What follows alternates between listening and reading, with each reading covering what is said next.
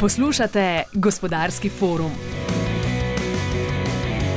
Krize so, krize bodo. Potrebno se je zanašati predvsem na sebe. Vedno je moj moto bil tam, kjer drugi nehajo, gremo mi zraven kakšno sporočilo dajemo slovenkam in slovencem. S tem, ko omejujemo dostopnost do finančnega sistema 350 tisoč ljudem. Moram reči, da sem uh, imel kar velik intervju, ampak na ta način tega vprašanja še pa nisem dobil. Jaz nisem najbolj zadovoljen s tem performancem. Na mesto, da bi razumeli, da svet globalno tekmuje, mi še vedno ustrajamo na tistem letu 45. Ja, lepo, da imate zgodovinske podatke, spet moram biti zelo, zelo iskren. Povejte nam v petih minutah, zakaj bi mi kupili gorenje odlično vprašanje. Ne, ne nič ne plačam, je zdaj to že malce prehodot. Država se je pač utaknila.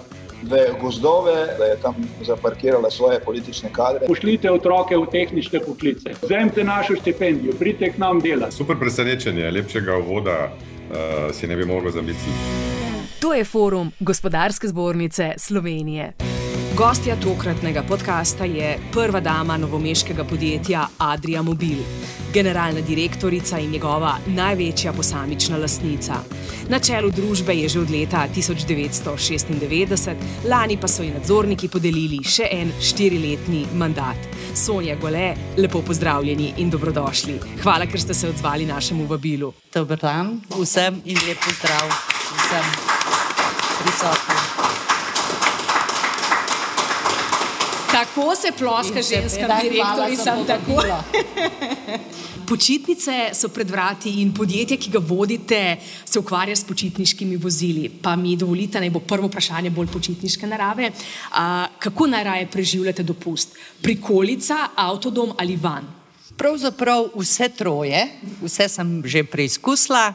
V mladosti je bila prikolica primerna oblika dopustovanja, ko je prišla družina je bil avtodom najboljša izbira za uh, popotovanje, za druženje in vedno rečem, avtodom je tisti, ki uh, omogoči, da družina res živi skupaj. In vedno smo uživali v avtodomu. Uh, zdaj je družina že, uh, ščirke so, so že odrasle in eh, je mobilna hišica idealen dom za počitek. Nimate vikenda, niste lastnica jahte, a ste vsaj lastnica kakšnega kamperja? Ničesar od tega. Sem lastnica pol stanovanske hiše in imam celo avto svoj. to krumenga trača o generalni direktorici Adrija Mobil, več rumenih podrobnosti pa ob koncu. Tako. Uh, Sonja Gole, povejte, kako polna je v tem trenutku vaša naročniška knjiga? A ste še vedno razprodani za dve leti vnaprej, tako kot je bila magičnega leta 2021? Kar se tiče uh, povpraševanja po naših prikolicah in avtodomih, moram reči, da je res še vedno uh, to zelo veliko. Uh, največji porast uh, se je zgodil seveda po uh, nastanku COVID-a, čeravno smo seveda že predtem imeli pomemben tržni delež, 7% tržnega deleža v Evropi na področju avtodomov, 9-procentni tržni delež na področju prikolic. In eh, z COVID-om se je povpraševanje zelo uh, povečalo v celotni panogi, tako da lahko govorimo res o tem, da smo bili, bi rekla, zmagovalci kot panoga, zmagovalci COVID-a. Uh, žal temu ni povsem tako, ker smo bili in smo še vedno omejeni z oskrbo z baznimi vozili, z oskrbo z repromaterialom in žal eh, toliko produktov, kot bi jih lahko prodali, jih preprosto ne moremo narediti in je to ena taka grenkoba, s katero se trenutno spopadamo. Če v tem trenutku naročim vaš avtodom, kdaj ga bom dobila? Je to enkrat prihodnje leto? V tem trenutku sploh ne pobiramo naročil, Aha. še. Ko pa bomo začeli pobirati naročila za avtodome, to bo verjetno enkrat v, v naslednjih mesecih, bo pa možnost dobave eno leto. A cena je bolj jasna kot leta 2021 ali je tudi cena še vedno neznanka, glede na znane razmere na trgu? Cena je e, trenutno stabilna, se pravi, e, razmere na trgu se glede glede cen repromaterijala umirjajo in seveda temu primerno reagiramo tudi mi z našimi prodajnimi cenami. Predvsem je negotovost na področju oskrbe z baznimi vozili, še vedno teh ni dovolj. Če ravno mislim, da se bo v kratkem zadeva precej spremenila. Dejstvo je, da vsi proizvajalci baznih vozil prihajajo z novimi spomladi prihodne leto z novimi vozili in to pomeni običajno nov produkt, pomeni tudi nova cena. Um, ne samo, da ste s COVID-om povečali tržni delež iz 6 na 9 odstotkov, popolnoma se je spremenila tudi struktura kupcev avtodomov. Če smo za avtodome včasih rekli, da to penzionerji vozijo, ne? Daleč od tega, ne? če ste prej imeli uh, kupce generacijo okrog 60 let, nad 55, pa se je s pandemijo popolnoma spremenila ne? ta struktura kupcev. Mlajši pari so se pridružili. Dejansko so se začeli zanimati za avtodome mlajše družine. Uh -huh. uh, je pa tukaj prednjači program vanov, uh -huh. ne, tako imenovanih kombijev ali, ali pa vanov, ne, uh, ki so cenovno dostopni. Imajo vse, kar imajo. In imajo vse, kar imajo veliki. Točno tako. Kako se je spremenil ta trg uh, počitniških uh, proizvodov? Ne? Uh, prikolice so do leta 16 naraščale, uh -huh. potem so v spredje stopili vani, te mali predelani avtodomi, ne, ki imajo vse, kot smo rekli, ja. vse, kar imajo veliki. Pandemija je pa spet um, uh, naplavila popraševanje po prikolicah. Pro, uh, počitniške prikolice so v upadanju. In uh, naša naloga ali naloga panoge je pravzaprav ponuditi res uh, tako imenovani entry level, uh, se pravi vstopni uh, program počitniških prikolic, da bodo le te dostopne družinam z manjšimi dohodki. In pa seveda je potrebno upoštevati tudi, da se razmere na trgu, kar se ekonomskih pogojev, obrestnih mer, stabilnosti oziroma varnosti, zaupanja potrošnikov tiče. Zato je z tega vidika za celotno panogo pred nami veliki ziv, kako bomo ohranili trg počitniških prikolic. V skoraj 27-letnem mandatu vodenja Adrija Mobil ste preživeli številne krize. Od propada Adrija Karavana do iskanja novih trgov v začetku 90-ih, prebrodili ste finančno krizo leta 2008, potem reševanje Adrija Mobil preko slabe banke, preživeli ste kriminalistično preiskavo ter pandemijo in zdi se, da vse skozi delujete kot krizna menedžerka. Povejte, vam je še vedno najbolj hudo takrat, ko gre vse odlično, ko gre vse kot po maslu? Ja, običajno pravim tako, takrat, ko najbolj peče, takrat se dela napredek. To je moj, eh, moje pravilo in zato me je najbolj strah takrat, ko gre vse po maslu. Ja, se spomnim leta 2007, takrat smo dosegli 14 tisoč enot proizvodnje z 20-odstotno rastjo v desetih letih, konstantno. In uh, sklicala sem krizni sestanek 2007, marca 2007, in moji kolegi so me vprašali, če je z mano kaj narobe. Jaz sem rekla, da je toliko časa že lepo, Aha. da ni vprašanje, kdaj bo prišla kriza, ampak kako se bomo, prišla bo zagotovo in je samo vprašanje, kako se bomo na njo pripravili. To pa ženska intuicija vodenja. Morda.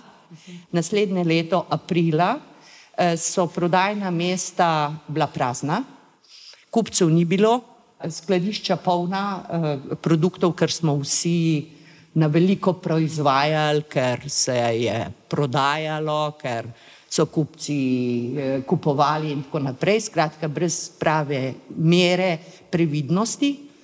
No, in ko je prišlo leto 2008 za krizo, meni ni nihče več vprašal, če je z mano kaj narobe.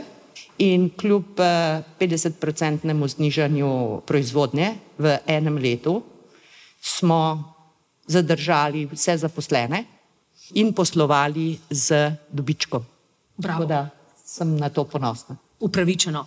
In sem prepričana, da imate tudi zdaj krizni načrt, kako naprej, ko bodo veselice končane. V tem trenutku, ko jezdite na krilih uspeha. Ne? Vsaka deseta prikolica, uh, prodana v Evropski uniji, prihaja iz novega mesta, iz Adrija Mobila, kar je wow podatek. Kaj pa potem, ko bodo veselice končane? V prihodnjih dveh letih, recimo, ne? kako predvidevate vi? V prihodnjih dveh letih, zdaj le še uh, živimo na krilih ne, uspeha in nekega pozitivnega popraševanja. Verjamem pa, da v naslednjem letu in naslednjih dveh letih nas čakajo veliki izzivi, tako v spremembi gospodarskega okolja, kot tudi v spremembi ekonomskih pogojev, ki so bili do sedaj še vedno relativno ugodni. Negotovost se bo nadaljevala, tako da seveda delamo na tem, da se po eni strani pripravljamo na elektrifikacijo, da rečem, kolikor se pač lahko, ker smo odvisni od proizvajalcev baznih vozil. Po drugi strani pa razmišljamo tudi o drugačnih rešitvah, skratka, eh, predvsem delovati eh, projektno, eh, delovati v iskanju inovativnih novih rešitvah. Sonja Gole, na položaj ste prišli leta 95-96, stari 34 let. In takrat je bilo podjetje v hudih finančnih in poslovnih težavah. Okolica takrat ni čisto zaupala vaše vodstvene sposobnosti, a ste dvomili celo sami takrat. Mladi ste bili, mislim, ena smrkla je prišla na, na vodenje takega podjetja, ne, ki ima renome od leta 65, ko ste poslali prvo Adrino prikolico v svet na Švedsko. Ne. Prvič, moje ambicije sploh niso bile biti na položaju, to je prvo. Tako da pač situacija je nanesla, ker sem bila kot direktorica finančnega sektorja zelo dobro seznanjena z situacijo podjetja, ki je propadalo in Adria Mobil, ki je išla iz podjetja Adria Karavan v stečaju, je bila brez sredstev, brez trga, brez produkta, pravzaprav ničesar. In ker je bilo to tako, in moja finančna pozicija je pač omogočala, da nekaj vem v tem finančnem smislu, in so me pač imenovali za šest mesecev za direktorico, dokler ne najdejo drugega pravega direktorja. Mislim, da tudi nihče ni mislil, da bo podjetje preživelo. In v prvem letu smo naredili šeststo tisoč evrov dobička. Bravo. Pri tristo, ja. In ko ste sprejeli uh, izziv vodenja novomeškega um, podjetja Adria Mobil, ste bili ena redkih, če ne kar edina glavna menedžerka v panogi počitniških vozil. Ko ste prišli na srečanje predstavnikov panoge na konferenco v Francijo, vas je stanovski kolega poslal po kavo, ker je mislil, da ste tajnica. Drži, drži. Se sem na, na, na vsakoletnem združenju Karavaninga, ne? se pravi, ja, dejansko sem bila edina ženska, ker sicer je pa program tako narejen, da moški so na konferenci, ženske imajo pa poseben Izlete. izlete, izlete, program. Ne? In ker sem jaz bila tudi tam na tej konferenci, me je gospod pač eh, poprosil, če mu prinesem ne, normalno kavo. Sem mu prinesla kavo in se zraven njega usedla. In tako je ta ena taka anekdota, ki je potem še kar nekaj let se vrtela, ker eh, hitro so potem gospodje eh, prepoznali, da sem jaz v isti vrsti ali pa za isto mizo kot oni. Zdaj da, vi njih pošiljate po kavo, ne? Tudi. Ja, ne, ne pošiljam, mi kar sami prinesejo. So se pa razmere, kar se tiče ženskega vodenja v panogi, izboljšale. V tej panogi karavaniga, to me je presenetilo, so predvsem družinska podjetja. Ne? In uh, številni lastniki so nasledstvo predali hčerkam. Tako da ste tri direktorice v panogi zadnjih osem let. Je res, ne? da so uh, še dve uh, gospe ali gospodične prevzele vodenje uh, podjetja po svojih starših, vendar jim ni uspelo, niso več. A res? Ja, tako da. Držite primat. Ja. Adria Mobil je od leta 2017 eh, lastniško v rokah francoske družbe Trigano. Gre za enega največjih proizvajalcev avtodomov, prikolic in vanov v Evropski uniji. Znano je, da o prenosu lastništva niste bili ravno navdušeni, da niste ravno skakali do stropa. Zakaj ne? Adria Mobil je bila dovolj uspešno podjetje, da bi lahko ostala slovenska. In zato sem si res močno prizadevala in posledično, ker so prepoznali tisti, ki so želeli podjetje prodati, so prepoznali, da bo težka z mano. Zato sem dobila tudi kazensko ovadbo, potem hišno preiskavo in tako naprej, kar je bilo nekaj, kar ne privoščim nikomur. Če preživiš tako zgodbo, si močnejši. Želela sem, sem si in vedela sem, da lahko Adrija ostane slovenska. Vendar nam to ni bilo dopuščeno. Na koncu se pač človek odloči za najboljšo izbiro med slabimi. In uh, ko je prišel Trigano z ponudbo, da podjetje kupi uh, gospoda lastnika, poznam že vrsto let, 1988 je prvič prišel v Adrijo, še sliko je prinesel, ker sem mu jaz prinesla tabelco, on je prišel pa praš pogledati, če bi Adrijo kupil, tako da si zamišljate, da je on kupoval Adrijo pravzaprav uh, 30 let. In uh, skratka, ko je prišel s ponudbo in obvedanju, da imamo samo možnost ali sprejeti njegovo ali pa nekoga drugega, ne pa dobiti oziroma ohraniti slovensko lastništvo, smo se skupaj z ostalimi družbeniki odločili, da se strinjamo za prodajo. Rahlo s smokom v grlu? E, seveda, ampak moram reči, da danes, če gledam nazaj, še vedno stojim za istim stališčem. Adrija bi lahko bila, kakšno podjetje bi lahko bilo slovensko, no, lepo vas prosim. Se mi je pa zdelo zelo lepo, da je pred prodajo Triganoju sindikat delavcev se zbral um, spontano in ko je bil govor o vašem odhodu, so Triganoju dali jasno vedeti, ne, da bodo stavkali, če vas bodo zamenjali. To pa je veliko priznanje strani delavcev, ne, da se postavijo spontano za svojo direktorico. Ja, po tem, ko sem videla, da dejansko ne bo moč preprečiti prodaje Adrije, uh -huh. sem se odločila, da bom podjetje zapustila ampak prišli so sindikalisti in so rekli, ali bomo skupaj, ali pa Adrije ne bo. In ker živim z Adrijo, mi je bilo seveda bolj pomembno, da Adrija, tudi če bo v tujem lastništvu, preživi, kot pa da naredimo neko, rekla, ne vem, štrajk in neko slabo zgodbo v podjetju, ki je bilo in je še danes odlično. Je bila ena vaših boljših potez, kar se tiče vodenja Adrije, tudi dejstvo, da ste leta 1999 oziroma 2000 375 delovcem podelili so lastništvo. Je bila to ena boljših potez, kar se tiče vodenja? Na to sem zelo ponosna. Mi smo kupili od takratnega lastnika Slovenske razvojne družbe, ker je bila Adrija že v lasti eh, države. Ne? Mm -hmm. In smo mi imeli možnost odkupiti določen delež. 375 ja, nas je bilo zaposlenih in 375 zaposlenih je prineslo denar, ne certifikate, ne nekaj, ampak denar in uložilo v podjetje. Nismo postavljali pogojev, koliko kdo mora, ampak samo če na koncu, da so vsi se odločili, da bojo nekaj vložili, je za me izreden uspeh, predvsem pa izredno priznanje in zaupanje. In ko sem nekaj njih vprašala, zakaj so pa sploh prinesli denar, pa so rekli, če vi verjamete, mi tudi. Bravo. In tako smo postali.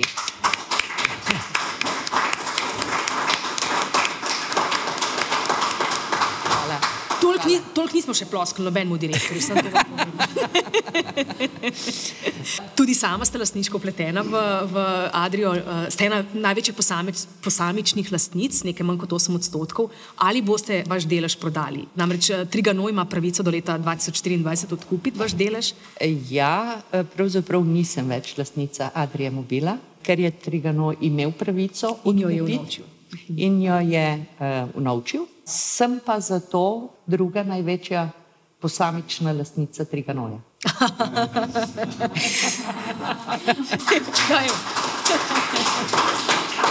Zdaj, individualno, ne, kot oseba, so še institucije, ampak ni tako zelo veliko. E, povejte, je Triganotu že zahteval izplačilo dobička? Namreč to izplačilo je bilo pri prejšnjem lastniku uh, stalna zahteva, Triganot tega nekaj časa ni zahteval in tako ste tudi pridobili na finančni moči. Je zdaj zahteval Trigano izplačilo? Uh, Trigano je sicer enkrat smo uh, izplačali, se pravi predlani smo izplačali dobiček, ampak uh, ne gre za to, da ga zahteva, ga ne potrebuje. Letos, ko uh, smo uveljavljali uh, subvencijo električne energije, ki je, je nekaj, ne? Ampak skratka, se je odpovedal dividendi in mi smo se odpovedali tudi uh mhm. -huh. nagradi. Uh mhm. -huh. Prej ste dosta omenjali bazna vozila. Lani je največji evropski dobavitelj baznih vozil Fiat, ki mimo grede obvladuje kar 75 odstotkov evropskega trga baznih vozil, zaradi pomankanja čipov proizvodnje zmanjšal za 35 odstotkov. Pogajanja s Fiatom potekajo prek Triganoja. A menite, da ste zdaj v rahlo slabši poziciji, kot ste bili takrat, ko ste bili samostojni? Takrat ste imeli ena na ena pogajanja, bolj ste čutili um, mogoče Fiat, ne bolj ste razumeli njihove kaprice, težave, prelagajanje na trgu. Mogoče ste si lahko tudi boljšo skozi pogajanje izborili večji kos pogače. Imate občutek, da vam Fiat pravično odmerja vaš delež? V bistvu uh, imamo vse čas dvom, seveda, ker če ne dobiš dovolj uh, baznih vozil, potem je logično, da dvomiš oziroma sumiš, ali si do, pravično dobil, se pravi, kos pogače, ki jo dobi Trigano. Je pa dejstvo, da Fiat proizvede uh, bistveno manj vozil, kot jih trg potrebuje in da je pač potrebno Jaz bom rekla temu tako, ne, pač je treba uh, torto razdeliti. Na kak način pa Fiat razporedi kosti eh, torte? Trigano se spogodi za celotno skupino Trigano in potem mora Trigano razdeliti svojim otrokom. Mhm. In treba je zadostiti, da preživijo vsi. Ni fajn, rečem pa, ja, je razumljivo. Uh -huh. uh, mi bi radi večji kos torte, ampak če zaradi tega eno drugo eh, podjetje v skupini Trigano bi, bi imelo težave, potem pač to spremeš. Tako da težko bi rekla, ali bi imeli boljšo pozicijo ali ne. Vsekakor smo imeli pri Fiatu odlično ja, pozicijo. Cenjen partner ste bili. Zelo, tako da uh, do vstopa Triganoja nismo imeli nobenih uh, težav, povečevati obseg eh, dobave vozil. Eh, škoda je ugibati, kaj bi bilo, če bi bilo, res, ja. če teh, te možnosti ni. Zaprevi, mi se moramo pač najbolje uh, zboriti v okviru skupine Trigano. Zdaj se skupaj v dobrem in slabem. Ja, in tako je. Ne, in zato, smo tudi dobri, bi rekla, dober član družine Trigano, mm -hmm. ker določene stvari razumemo. Eh, vaša glavna dobavitelja sta Fiat in Citroen. Eh, odvisnost od njiju pa zmanjšujete s tem, da se preusmerjate tudi v sodelovanje s Fordom in Renaultom. Eh, ste pa lani na najpomembnejšem sejmu za vašo panogo v Dizeldorfu, na sejmu Krvaninga, predstavili nov avtodom Zvezdo na baznem vozilu Mercedesa. Kako zahteven partner je Mercedes? Mi smo računali, da bomo prodali teh supersonikov, kašnih 200 kosov, kar ni bilo nobenih težav pri Mercedesu. Trg se je odzval z eh, naročilom petkrat večjim. Na koncu imamo tudi tam težave, zato ker bi radi jih tisoč, pa jih dobimo samo 700, ampak jih dobimo 700. Še vedno velja pravilo, da kdor hoče uspeti v Evropi, mora zadovoljiti nemške potrošnike. Da in ne. Adria je eh, za, značilna po tem, da je največji trg eh, in najpomembnejši trg vso zgodovino bil skandinavski in nemški trg je najzahtevnejši, ker je 60% proizvodnje eh, koncentrirane v Nemčiji. Veliko naših konkurentov ima pomemben domači trg in je kot uvoznik veliko težje uh, uspeti na nemškem trgu. Kaj vam je pa prinesla ta prestižna nagrada letos, German uh, Design Award za avtodom Supersonic? Sklepam, da same težave, ker ne morete uh, z naročili zadovoljevati uh, potreb. Ne? Ne, ne, te, te težave so zelo prijetne, zato ker res zelo veliko pohval. Je prestižna uh, in, nagrada, ki se tiče oblikovalcev ja, to, in tudi to, v stroki zelo cenjena. Tako, tako da res uh, odzivi z trga, z vseh trgov so za ta supersonik res pozitivni in seveda nagrada je samo še ena dodatna potrditev, da delamo prave stvari. Ste razmišljali, da bi v sodelovanje pritegnili poleg Tine Maze in Primoža Rogliča tudi like, kot so Ralf Schumacher, naprimer, ki že sodeluje z slovengraškim podjetjem Robeta in za njih pač proizvaja luksuzne avtodome, tudi uh, na podlagi baznih uh, vozil z Mercedesom. Ne? Uh, lahko bi razmišljali, ampak v naši strategiji uh, sponzorstva in povezovanja uh, smo se odločili, da bomo sponzorirali slovenske domače vrhunske športnike, torej domače zvezde. Bravo! Ja.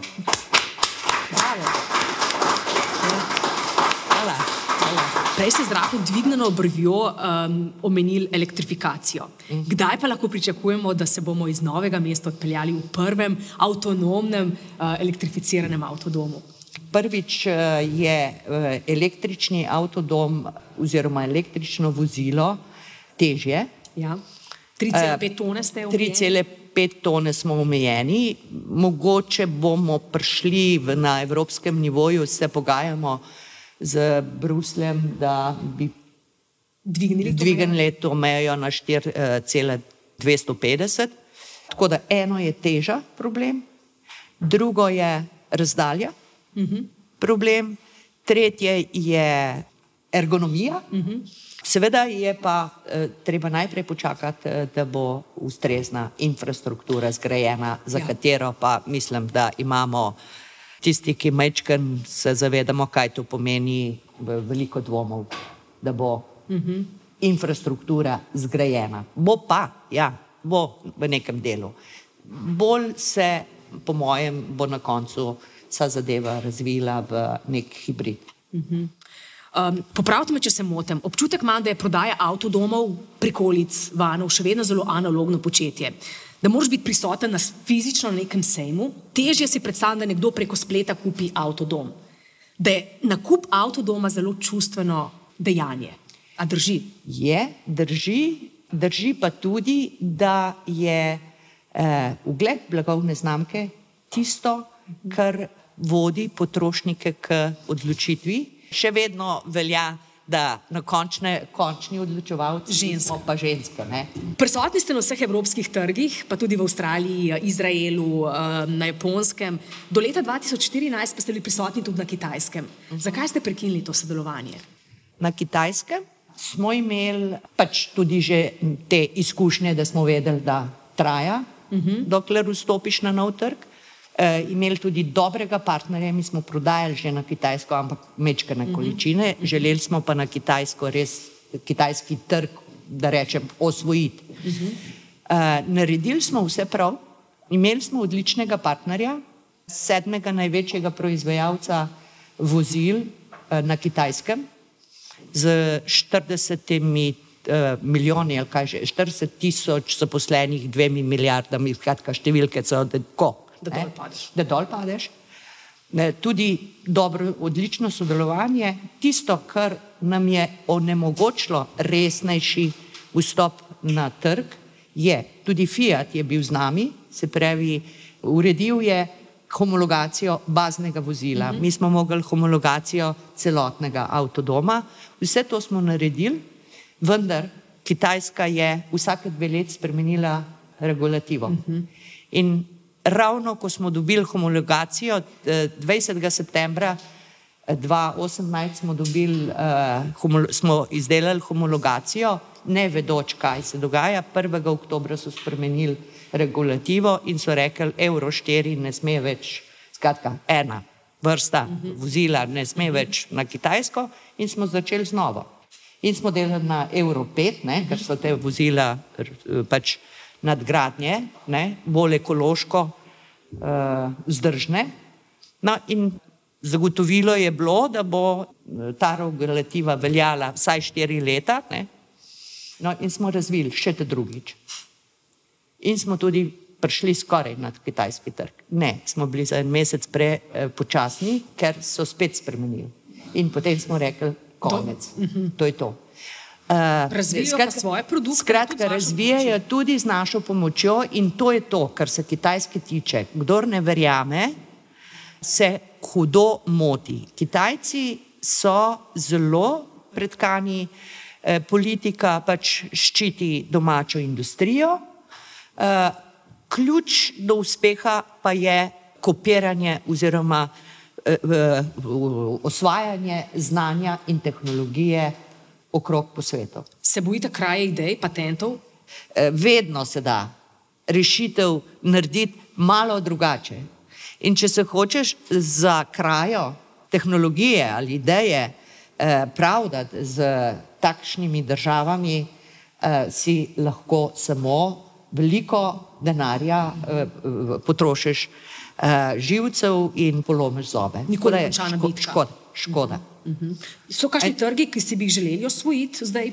Afriko smo uh, pregledali, ni še čas, ni infrastrukture, ni še čas, bo pa, tako da verjetno v prihodnosti, po mojem, je Afrika priložnost. Z Rusijo ste prekinili lani? Uh, z Rusijo smo prekinili, kar smo, smo delali, ja, dobro. Uh, edini trg uh, ali pa celina, na katero, m, s katero vsaj osebno se ne spogledujemo, je Amerika, ker je trg drugačen, domače proizvodne veliko in seveda prodajati v Ameriko pomeni egzotiko in veliko energije in bomo šli v Ameriko takrat, ko ne bomo imeli drugega dela. Si pa čisto predstavljam Roberta uh, Denira v vašem Adrinem, Adrini prikolci, kot v filmu Njeni ta starja, ki pasov Ja, ja. uh, Marca ste na biču pri Trebnem odprli novo tovarno. Povejte, kako lahko ste našli kadre? Relativno lahko, treba je razumeti, seveda iskati kadre je zahtevno, pri tako nizki eh, brezposelnosti eh, sploh ni primerno izobraženih kadrov, pa vendarle Adrija je ugleden eh, zaposlovalec, kot da še vedno imamo eh, vloge, treba je pač ljudi potem tudi eh, izobraziti in eh, skratka pač vložiti nekaj več v novo zaposlene. E, smo pa seveda naredili tako, da smo kombinirali nekaj e, ali pa velik del zaposlenih smo preselili iz Novega mesta na Bič, uh -huh. tisti, ki so že delali na programu e, Vanov in nekaj zaposlili, nekaj pa potem do zaposlili, skratka kombinacija. E, Nekih je iz revoza prišlo sklepam? Zanimivo, da zelo malo. A res? Ja.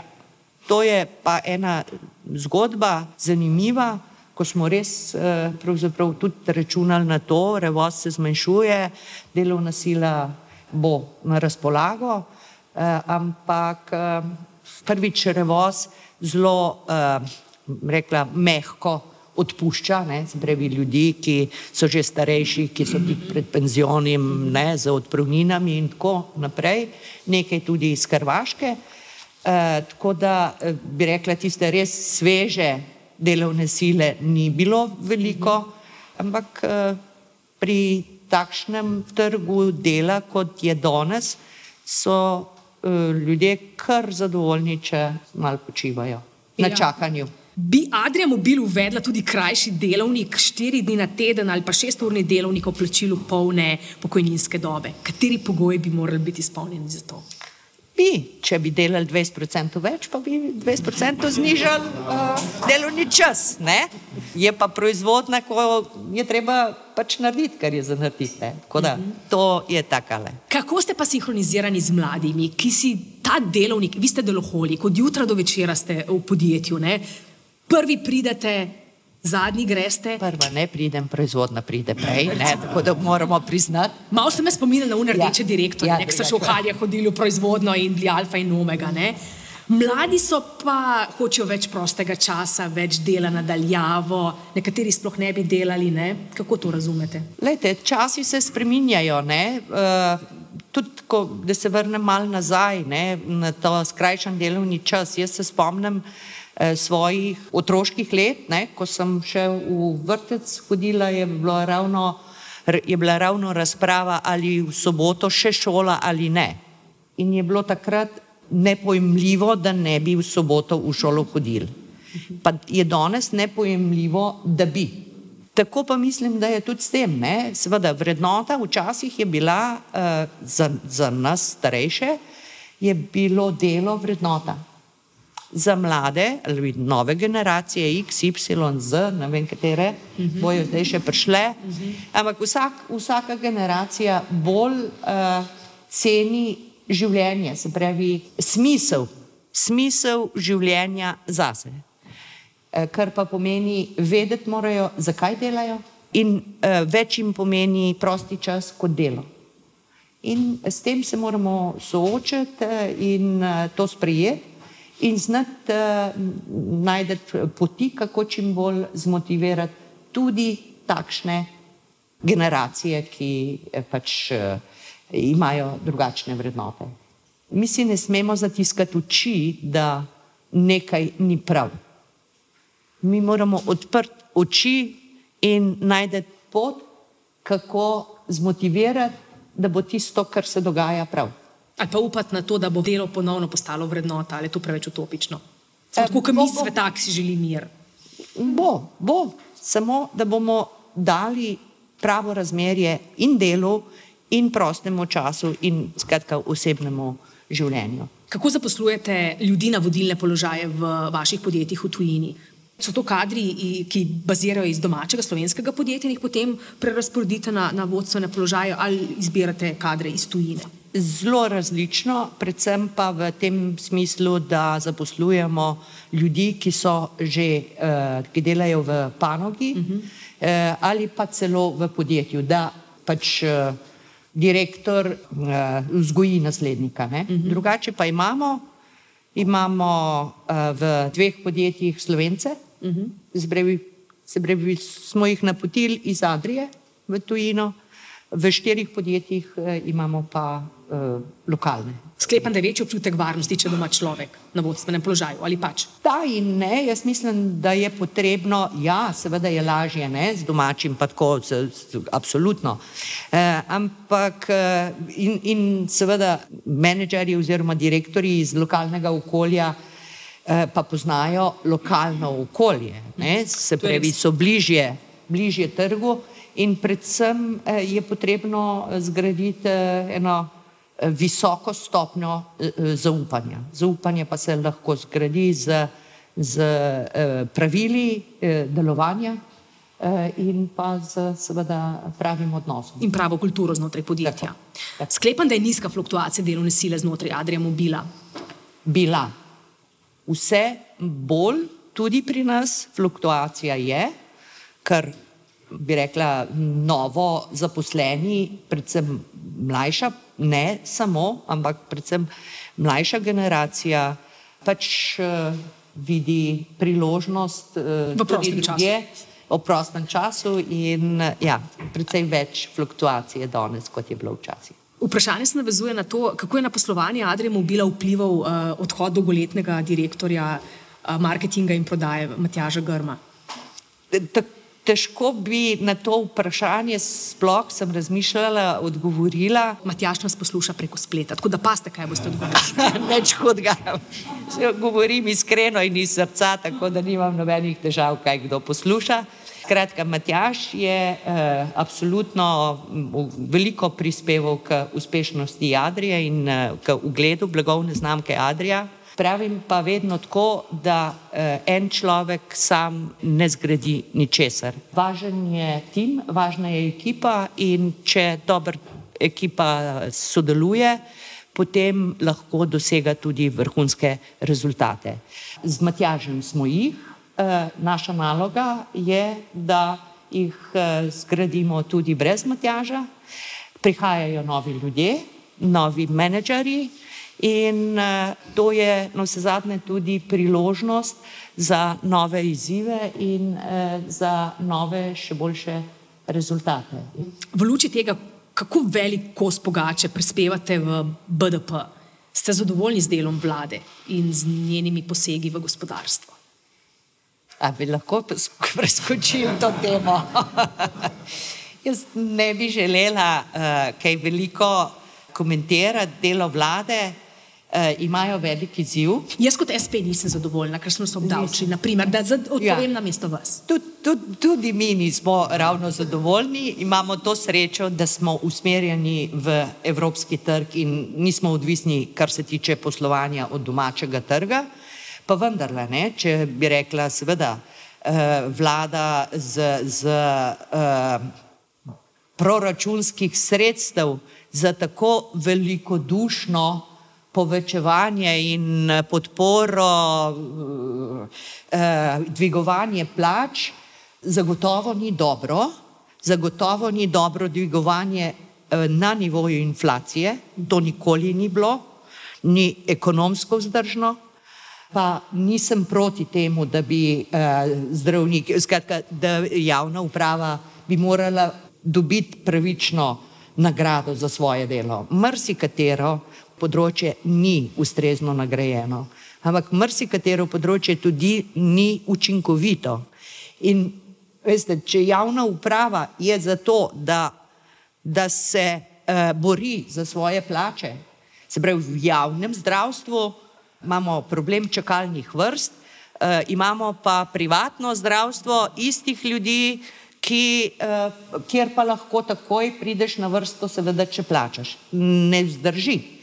Se pravi, ogromno je teh nelogičnosti, s katerimi se res vlada spopada, -huh. ampak se, po mojem mnenju, spopada na nepravi način. In tak pristop pomeni domino efekt, in jaz sem vprašanje, kdaj bo padla ta zadnja domina. Ste kot gospodarstvenica z tega vidika zaskrbljeni, Kdaj nas bo doletela stagflacija, trenutek, ko bo um, nastopila recesija skupaj z inflacijo? Uh, ja, ker to ni dobro. Ne zato, ker se bojo stvari začele uh, popravljati in uh, spravljati v, v pravi ter. To, kar sem rekla na začetku. Dokler nas ne bo tako močno udarilo, kot nas je udarila kriza, kot nas je udaril COVID, bomo delali neumnosti. Ker pač majhen udarec ne zaleže dovolj, bomo pač počakali, da bomo dobili močen udarec, vlada ali pa skratka širša skupnost, žal tudi gospodarstvo, žal tudi posamezniki in potem se bomo začeli, eh, bomo pripravljeni se spreminjati. Leta 2002 je Adrija Mobil razvila svojo prvo mobilno hišico Adrija Dom. Kako zadovoljni ste s podjetjem hčerinskega podjetja Adrija Dom, ki proizvaja luksuzne mobilne hišice in glampinge? A je ta trend še vedno v sponu ali gre rahlo dol? Ja, zelo zadovoljni, ne? zelo, zelo dobro. Poslovanje podjetja je odlično, uh, predvsem pa odličen, so odlični tudi produkti, mobilne hišice. Največjih prodajate na Hrvaškem, pa v Italiji še vedno? Uh, pomembna dva najpomembnejša trga, ampak uh, nismo več odvisni samo od hrvaškega in uh, italijanskega trga, ki sta bila v preteklosti, sta predstavljala ve, večino. Trga, ampak imamo razpršeno prodajo praktično po celotni Evropi, uh, tudi v, v, v, na, na Bližnjem vzhodu. Z, z šotori, glamping šotori, uh -huh. smo prisotni tudi uh, na japonskem, skratka na oddaljenih trgih, tako da lahko sam rečem kapo dol celotni ekipi Adrije Dom in uh, kapo dol za produkte, ki so dizajnersko in sicer res vrhunski. In uh, v letošnjem letu začenja podjetje z širitvijo in podvojitvijo kapacitet. Adrian Mobil že 11 let sponzorira kolesarski klub. Kakšen ugled in prestiž si kupujete s takšnim sponzorstvom in kaj s tem sporočate vaši konkurenci? Adrian Mobil ja, je že vrsto let generalni sponzor uh, kolesarskega kluba uh, Adrian Mobil in res smo ponosni uh, na klub, zato ker smo prepoznali v klubu ali pa v kolesarstvu vrednote, ki jih gojimo tudi v Adri Mobil. Vrednote se pravi timskega dela, brez timskega dela kolesar ne more posameznik praktično uspeti, tako pa mislim, da tudi podjetje. Ustrajnost, pogum, zauzetost in to so vrednote Adrija Mobila. Ponosni smo, seveda, da je klub najboljši klub v Sloveniji. Ponosni smo, da smo uspeli prepričati STO Ja. za Sodelovanje dirke sodelovanje za dirke po Sloveniji, da smo prišli, torej, da smo uspeli zbrati dovolj sredstev za Eurošport. Kolesarski klub Adria Mobil nese uh, ugled blagovne znamke tudi v Evropo, kjer je pa naš štab. Strah in trepet vaši Torej, konkurenci vzbujate s tem. tako, Ob vsaki zmagi Rogliča bolj. Da pa, da pa smo. Da smo pa ponosni na Rogliča, ki je, eh, Ambasador začel, vaš, ki je naš ambasador in je začel v Adriji mobil, ni besed. Ne? Še posebej sem pa vesela, tudi poudarjam, eh, ob dejstvu, da smo ohranili pravico biti sponzor kolesarskemu klubu tudi ob vstopu tujega lastnika, ki ne vlaga nič v sponzorstvo, razen Adrija Mobil. Sonja Gole, že imate izbranega naslednika. So sposobnosti in ambicije znotraj podjetja? Kako boste izkoristili vaš štiriletni mandat? Kaj vam naj rečem zdaj? Povejte, kaj Kaj naj vam rečem? Ali naj povem, Ja. ja. ne, ampak ja. Moj naslednik je bil gospod Grm, Res? pa se je odločil, da ne bo. In imam nov mandat. To pa nisem vedela. To pa niste vedeli, no? ampak tako, tako je to. Uh, ja, imam nov mandat, ampak uh, ni me strah za podjetje. V bistvu gre za neko generacijsko menjavo. Ne? Management je uh, bil konstanten ali je konstanten od uh, 96. leta, bolj ali manj. In uh, novo obdobje, ki prihaja, je izziv in bo ravno pravi izziv. Tako da pr prav pozitivno vidim, se pravi, ravno pravi izziv, da bodo novi, neobremenjeni na odličnih temeljih začeli graditi še boljšo Adrijo. V enem izmed vaših intervjujev ste rekli, če bi lahko sodelovala s katerim koli slovenskim gospodarstvenikom, bi bil to gospod Solarič iz Krke. Aha. A tudi vi, vaše poslovne partnerje, po vzoru krkenih direktorjev, boste v naše dolenske zidance in jih tam prepričujete o boljših dobavnih pogojih in ostalo? Ja, tukaj imamo pa ženske malo, malo handikepe. Ne? Ne, veste, kako tudi jaz sem šla tudi kdaj v, v gostilno z gospodi, ampak eh, kaj si ljudje mislijo potem, ne vem. Ne? Zdaj ne več, zdaj ni več problema. Ampak, ko sem bila pa mlajša, je bilo, bil pa to problem. Ne? Skratka, malo heca, malo heca. Ja, eh, ne tako, ampak eh, seveda. Tudi naše, naše partnerje povabimo, katerkrat. eh, Tudi v zidance, ne? Tako, tako, tudi v zidance. Mož podpira tri vogale, jaz pa sem stebr, ste rekli v enem izmed vaših intervjujev. Vaš mož je torej moški, ki ve, kje mu, kje mu je mesto. Uh, povejte, je, uh, vaš, je vaš mož imel kaj krize, kaj dvomov, glede na to, da je moral prevzeti številne družinske obveznosti in gospodinska opravila, ki tradicionalno bolj pritičejo ženskam? Uh, verjetno kdaj tudi, ampak drugače pa res moram reči, da gre vsa uh, zahvala in uh, priznanje za to, da sem jaz pač ne po svoji izbiri, pa vendarle uh, gradila kariero.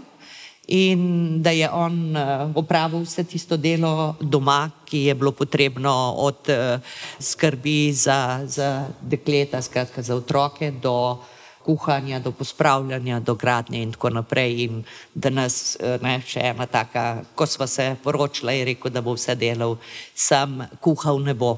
Da nas me pa prekaša v kuhanju.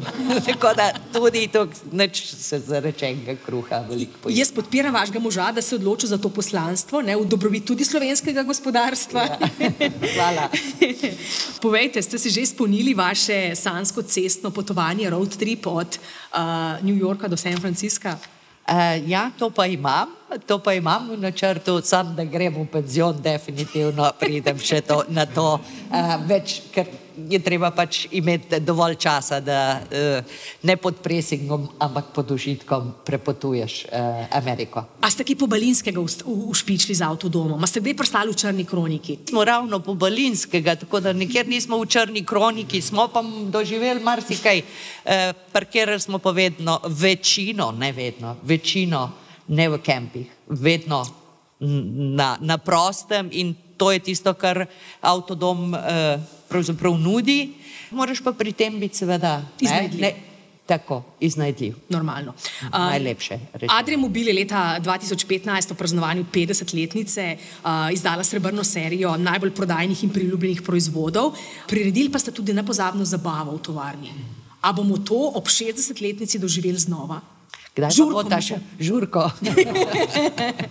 Vsekakor bomo, bomo proslavili tudi 60-letnico, kako slavnostno naj ostane skrivnost. To bo zdaj odvisno od, od uh, baznih vozil, ne? Ja, ja, ja, ja.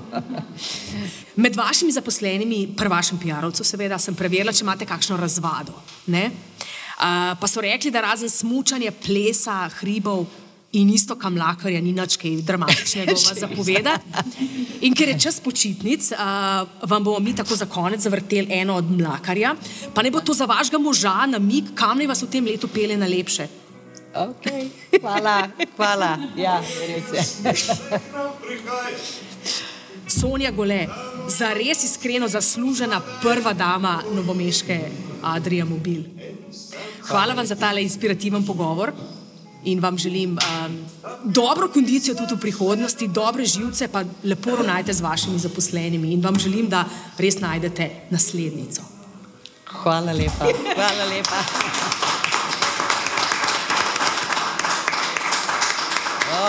Oh, Božina, hvala.